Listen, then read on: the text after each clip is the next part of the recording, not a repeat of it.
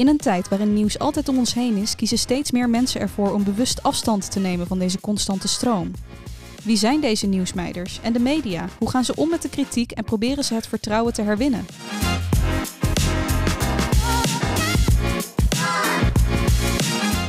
Dit is Niks Nieuws.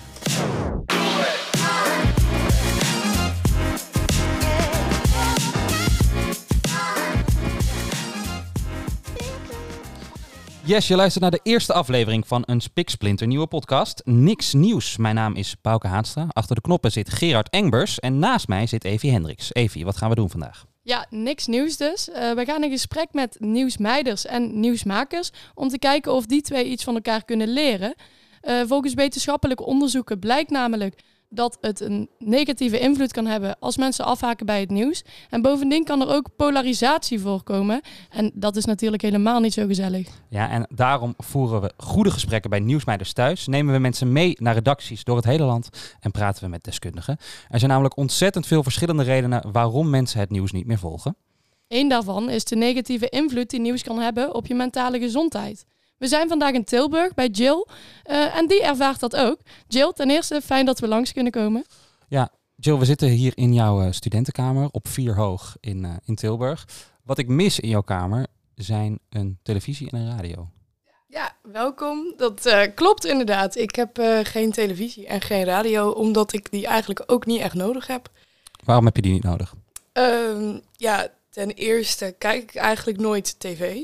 En uh, als ik tv kijk, dan uh, kijk ik het wel terug op uh, NPO of Netflix of weet ik veel wat, een van die streamingsdiensten. Um, ja, en op tv komt eigenlijk altijd wel het nieuws. En ja, dat boeit me eigenlijk niet zoveel. En waarom mijd jij het nieuws precies? Je zegt het boeit me niet, maar wat zijn de voornaamste redenen voor jou om het nieuws te mijden? Uh, ja, wat de voornaamste reden is geweest, is eigenlijk wel begonnen in de coronaperiode. Ik uh, studeer namelijk verpleegkunde en in die coronaperiode was dat voor ons best wel een heftige tijd. En um, wat ik toen merkte, ik heb altijd wel het nieuws gevolgd hoor. Thuis dan uh, stond om acht uur altijd het journaal aan en wij keken het altijd wel. Maar in die coronatijd, ja, er werden zoveel feiten over die doden en over wat het nou is en alles door elkaar eigenlijk gegooid, dat ik gewoon een beetje overprikkeld werd. Want ik zag dat ook wel in het echt. Dus het waren gewoon feiten die nog even op de neus werden gedrukt. Terwijl op mijn werk zag ik ook gewoon mensen doodgaan. Dus ik wist echt wel hoe heftig die situatie was. En wat ik zo oneerlijk altijd vond ook, is uh, dat mensen het eigenlijk ook daaromheen altijd heel boos werden. En dat het allemaal niet klopte en dat het nep was. En dat kwam ook weer in het nieuws. Dus het maakte mij eigenlijk altijd alleen maar bozer om die hele situatie, zeg ja. maar, zo ja, te zien. Had je het gevoel dat je er misschien niet aan kon ontsnappen op die manier? Ja, ook. Ja, als je dan thuis komt van je werk en van je studie, ja, er wordt gewoon ontzettend veel over gepraat. En als je dan nog thuis ook nog eens in dat nieuws gaat zitten kijken, ja, dat is gewoon ja, te, te veel voor mij. Want je volgde het voor dat de coronapandemie plaatsvond, zeg maar, volgde je het nieuws wel? Of, of, of meer? Ja, weet je, volgen heb ik nooit echt gedaan, maar het stond gewoon altijd wel aan. Weet je, mijn ouders kijken allebei het nieuws, mijn zus die kijkt het nieuws en ze zijn allemaal wel gewoon op de hoogte van al die situaties. Maar wat ik ook heel erg merkte is dat als ik naar het nieuws keek, ik best wel angstig kon worden. Ook omdat ik in die tijd sowieso wel veel meer angst heb gekregen dan dat ik daarvoor had. En uh, ja, die angst dat werd alleen maar erger door het nieuws. Want er worden ja, niet alleen corona, maar ook andere dingen, zoals die hele oorlog in Oekraïne. Ja, weet je, je wordt gewoon steeds banger en banger eigenlijk gemaakt. Terwijl, ja, als je het niet aanzet, ja, dan, dan is het er voor mij ook niet. Hm. Weet je wel? En ik hoor jou spreken over uh, angst en, en ook een beetje woede hè, door die coronacrisis, door dat nieuws wat je dan meekreeg. Uh, maar, maar hoe uitte zich dat? Hoe voelde je je echt? Of, of merkte je fysiek iets aan jezelf als je dan het nieuws volgde? Ja, sowieso bij die angsten kwamen gewoon echt van die ja, paniekaanvallen heb ik ook wel gehad. En uh, ik merkte dat ik altijd heel veel spanning ervaarde. Dus ik ging heel hoog in mijn ademhaling. Ik, hoorde, ik had hartkloppingen. En zeg maar, ik ging mezelf van alles inbeelden wat er eigenlijk niet was. Dus dat heeft angst heel erg op mij gedaan. Dat is echt puur die spanning in je lichaam wat dat, uh, wat dat brengt. Op een gegeven moment ben ik ook gewoon echt even gestopt met werken. Dat ik gewoon dacht, ja weet je, ik moet nu aan mezelf denken. Want het wordt gewoon te veel. Weet je, zoveel dingen gebeuren om je heen. En je zit echt in zo'n weerwar van ellende eigenlijk. Dat was ook gewoon een beetje die oneerlijkheid. Hoor ik goed dat je cynischer bent geworden? Hmm, ja, dat kan je wel zeggen, ja. Ja, wat ik heel lastig vind is eigenlijk ook dat de wereld zoveel verandert. En het wordt eigenlijk voor mijn gevoel alleen maar ellendiger. Dat ik soms ook bang ben, ja, dat klinkt dan heel groot en overdreven, maar dat die wereld gewoon in één keer in gaat storten en dat we allemaal gewoon klaar zijn. Dus die problemen worden zoveel groter voor mijn gevoel. En ik word natuurlijk ook volwassener, dus ik begrijp het ook beter. Alleen daardoor lijkt het wel alsof over twintig jaar we er allemaal niet zijn. Zoals ook met het klimaat. Ja, en die oorlogen. Dat, ik denk dat, dat de toekomst niet heel leuk is als ik naar het nieuws kijk. Nee, je hebt eigenlijk een beetje een angst voor de toekomst als jij het nieuws volgt. eh, Door alle problemen die je daar ziet, eh, die nog komen gaan misschien wel. Ja, zo kan je het eigenlijk wel noemen. Want al mijn veerkracht steek ik eigenlijk gewoon in mijn vak. Want ja, die heb je daar nodig. Je weet, ik ga verpleegkunde studeren, dit gebeurt. En op een gegeven moment gaat gewoon die knop om en dan zie je degene, zie je dit eerste persoon in je leven overlijden voor je neus. En dan ga je aan. Maar als ik dan thuis kom, dan kan ik mezelf ook uitzetten. Hm. En dat, ja, dan ga ik niet het nieuws opzoeken om dat weer terug te krijgen, dat gevoel. Even concreet, hoe doe je dat precies? Want we zien er geen tv of radio in je kamer Mhm. staan. Maar je hebt natuurlijk wel een mobiele telefoon. Ik kan me voorstellen dat je daar alsnog dingen tegenkomt. Hoe, hoe meid jij het dan?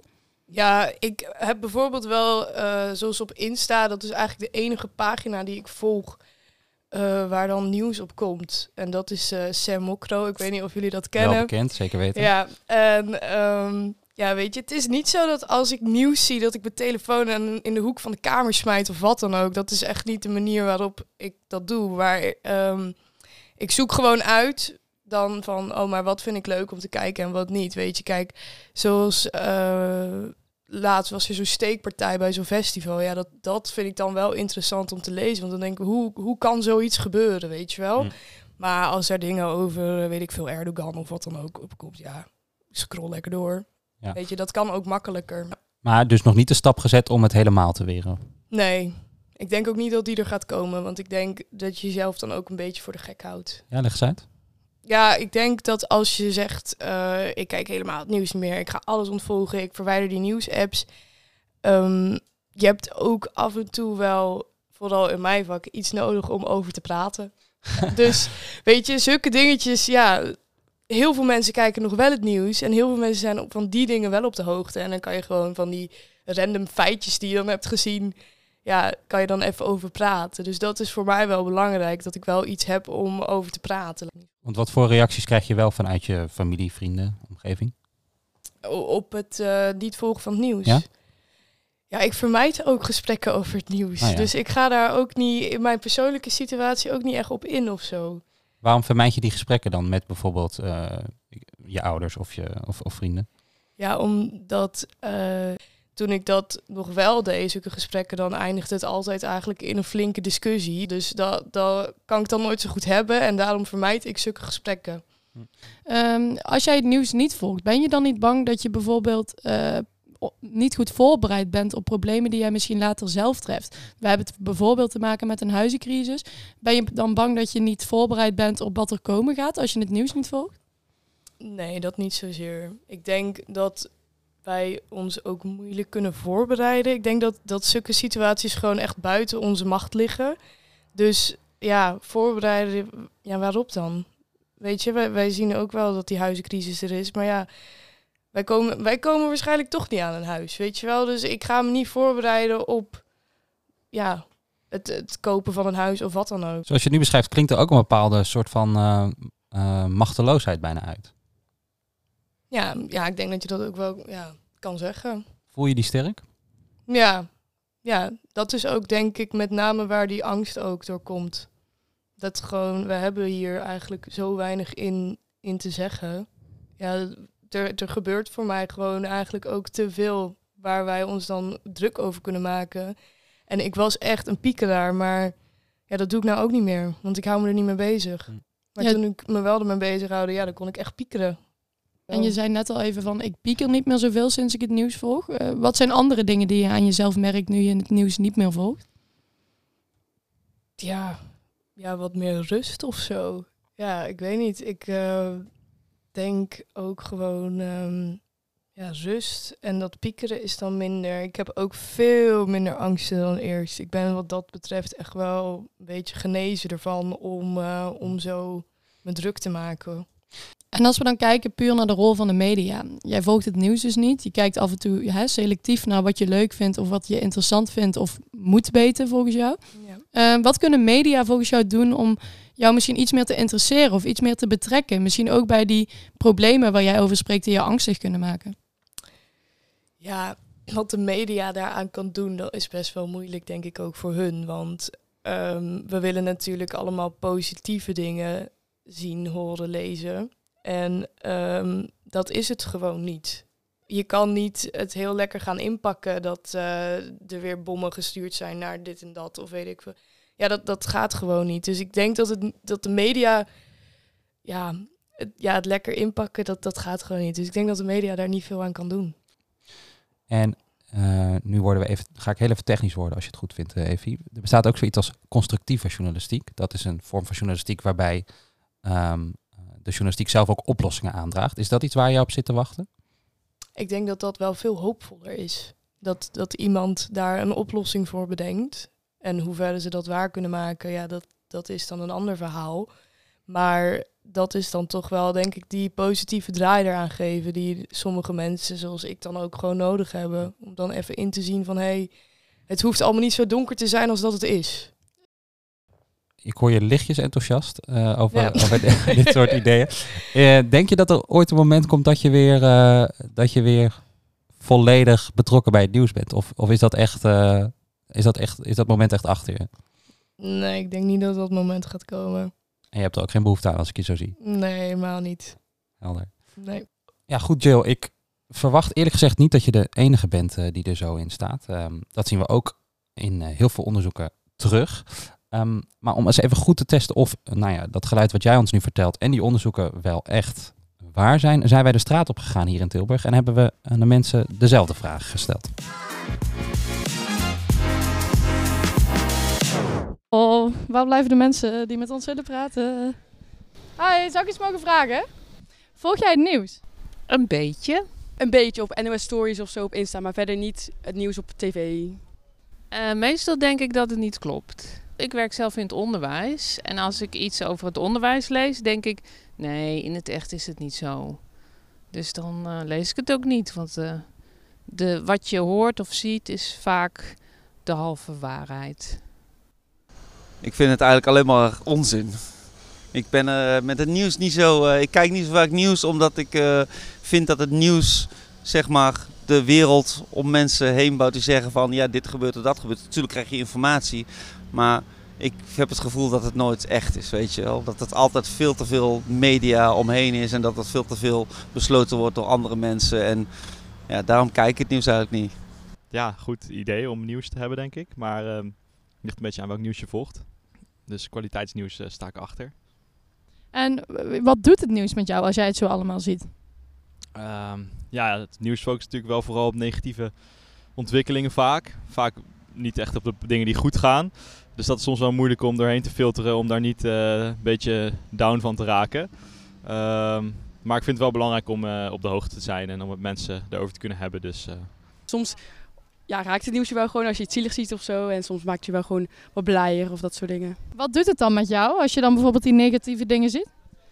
Uh, ja, ik ben het dan wel even dat ik denk van... Oeh ja, bijvoorbeeld als je een overstroming of wat soort dingen ziet... dan, dan doet dat je wel even gewoon... Dat maakt je wel even verdrietig. Alleen ik blijf meestal niet super lang in hangen of zo.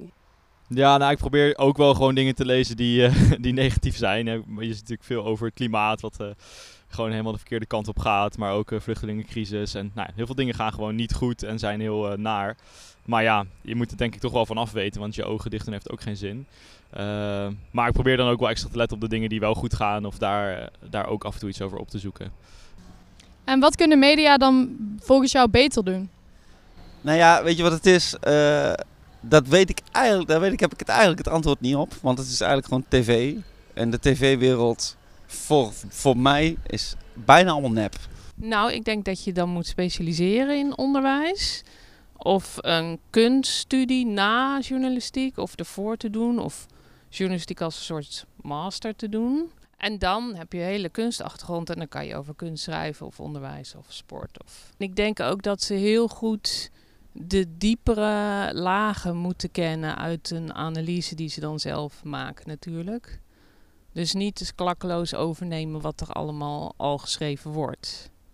En doen media dat volgens jou genoeg? Focus op de dingen die goed gaan? Of kunnen ze dat bijvoorbeeld nog meer doen?